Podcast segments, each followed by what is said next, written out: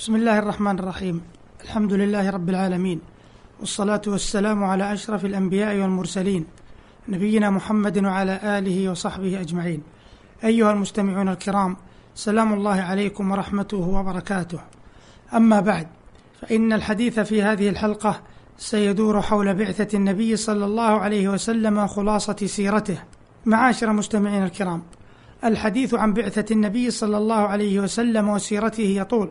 ولقد أفرد العلماء في هذا الشأن كتبا كثيرة والمجال ها هنا لا يتسع للإطالة والإسهاب. ولعل الحديث عنه في هذه الحلقة وحلقات آتية سيتناول الموضوعات التالية من السيرة النبوية المباركة. أولا مهيئات النبوة. لقد هيأ الله عز وجل للنبي صلى الله عليه وسلم مهيئات كثيرة كانت إرهاصا لبعثته ونبوته. فمن ذلك ما يلي. واحد دعوة إبراهيم وبشرى عيسى عليهما السلام ورؤيا أمه آمنة. يقول النبي صلى الله عليه وسلم عن نفسه إني عبد الله لخاتم النبيين وإن آدم عليه السلام لمنجدل في طينته وسأنبئكم بأول ذلك. دعوة أبي إبراهيم وبشارة عيسى بي ورؤيا أمي التي رأت رواه الإمام أحمد في المسند والبيهقي في دلائل النبوة. ومعنى الحديث أن النبي صلى الله عليه وسلم يقول أنا مصداق دعوة إبراهيم الخليل عليه السلام لأن إبراهيم لما كان يرفع القواعد من الكعبة في مكة ومعه ابنه إسماعيل كان يقول كما أخبر الله عنه في القرآن ربنا تقبل منا إنك أنت السميع العليم ربنا واجعلنا مسلمين لك ومن ذريتنا أمة مسلمة لك وأرنا مناسكنا وتب علينا إنك أنت التواب الرحيم. ربنا وابعث فيهم رسولا منهم يتلو عليهم آياتك ويعلمهم الكتاب والحكمة ويزكيهم إنك أنت العزيز الحكيم. فاستجاب الله دعوة إبراهيم وإسماعيل عليهما السلام. فكان النبي الخاتم محمد عليه الصلاة والسلام من ذريتهما. وأما قوله وبشرى عيسى فإن نبي الله عيسى عليه السلام قد بشر بالنبي محمد صلى الله عليه وسلم كما أخبر الله عنه في القرآن فقال وإذ قال عيسى ابن مريم يا بني إسرائيل إني رسول الله إليكم مصدقا لما بين يدي من التوراة ومبشرا برسول يأتي من بعد اسمه أحمد. فعيسى عليه السلام هو آخر نبي من بني إسرائيل وليس بينه وبين محمد صلى الله عليه وسلم نبي وقد بشر بنبي يأتي من بعد اسمه أحمد. وأحمد من أسماء النبي محمد صلى الله عليه وسلم.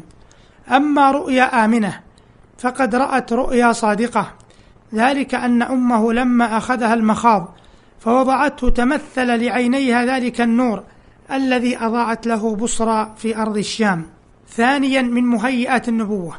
كون النبي صلى الله عليه وسلم خرج في أمة العرب تلك الأمة التي فضلت على غيرها من الأمم آنذاك. حتى استعدت لهذا الإصلاح الروحي المدني العام الذي اشتمل عليه دين الإسلام بالرغم مما طرأ عليها من الأمية وعبادة الأصنام وما أحدثت فيها غلبة البداوة من التفرق والانقسام.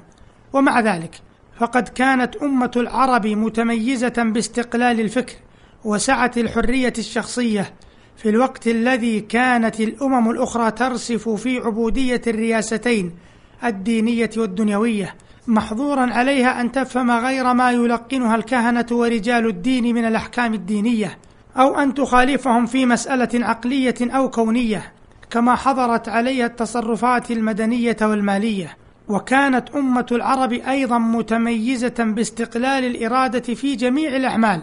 أيام كانت الأمم مذللة مسخرة للملوك والنبلاء المالكين للرقاب والأموال بحيث يستخدمونهم كما يستخدمون البهائم فلا رأي لهم في سلم ولا حرب ولا إرادة لها دونهم في عمل ولا كسب.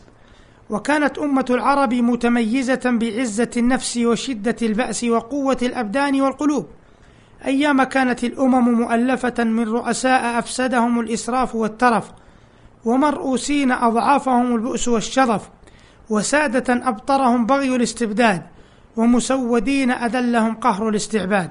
وكانت أمة العرب أقرب إلى العدل بين الأفراد وكانت ممتازة بالذكاء وكثير من الفضائل الموروثة والمكتسبة كإكرام الضيف وإغاثة الملهوف والنجدة والإباء وعلو الهمة والسخاء والرحمة وحماية اللاجئ وحرمة الجار أيام كانت الأمم مرهقة بالأثرة والأنانية والأنين من ثقل الضرائب والأتاوى الأميرية.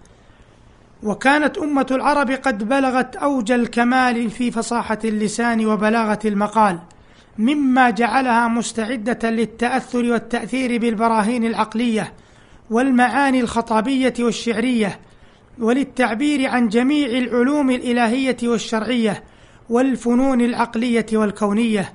أيام كانت الأمم الأخرى تنفصم عرى وحدتها بالتعصبات الدينية والمذهبية والعداوات العرقية. وأعظم مزية امتاز بها العرب أنهم كانوا أسلم الناس فطرة بالرغم من أن أمم الحضارة كانت أرقى منهم في كل فن وصناعة. والإصلاح الإسلامي مبني على تقديم إصلاح النفس باستقلال العقل والإرادة وتهذيب الأخلاق على إصلاح ما في الأرض من معدن ونبات وحيوان. وبهذا كان الله عز وجل يعد هذه الأمة للإصلاح العظيم الذي جاء به محمد صلى الله عليه وسلم. أيها المستمعون الكرام إلى هنا ينتهي وقت هذه الحلقة. وللحديث صلة في الحلقة القادمة إن شاء الله تعالى. والسلام عليكم ورحمة الله وبركاته.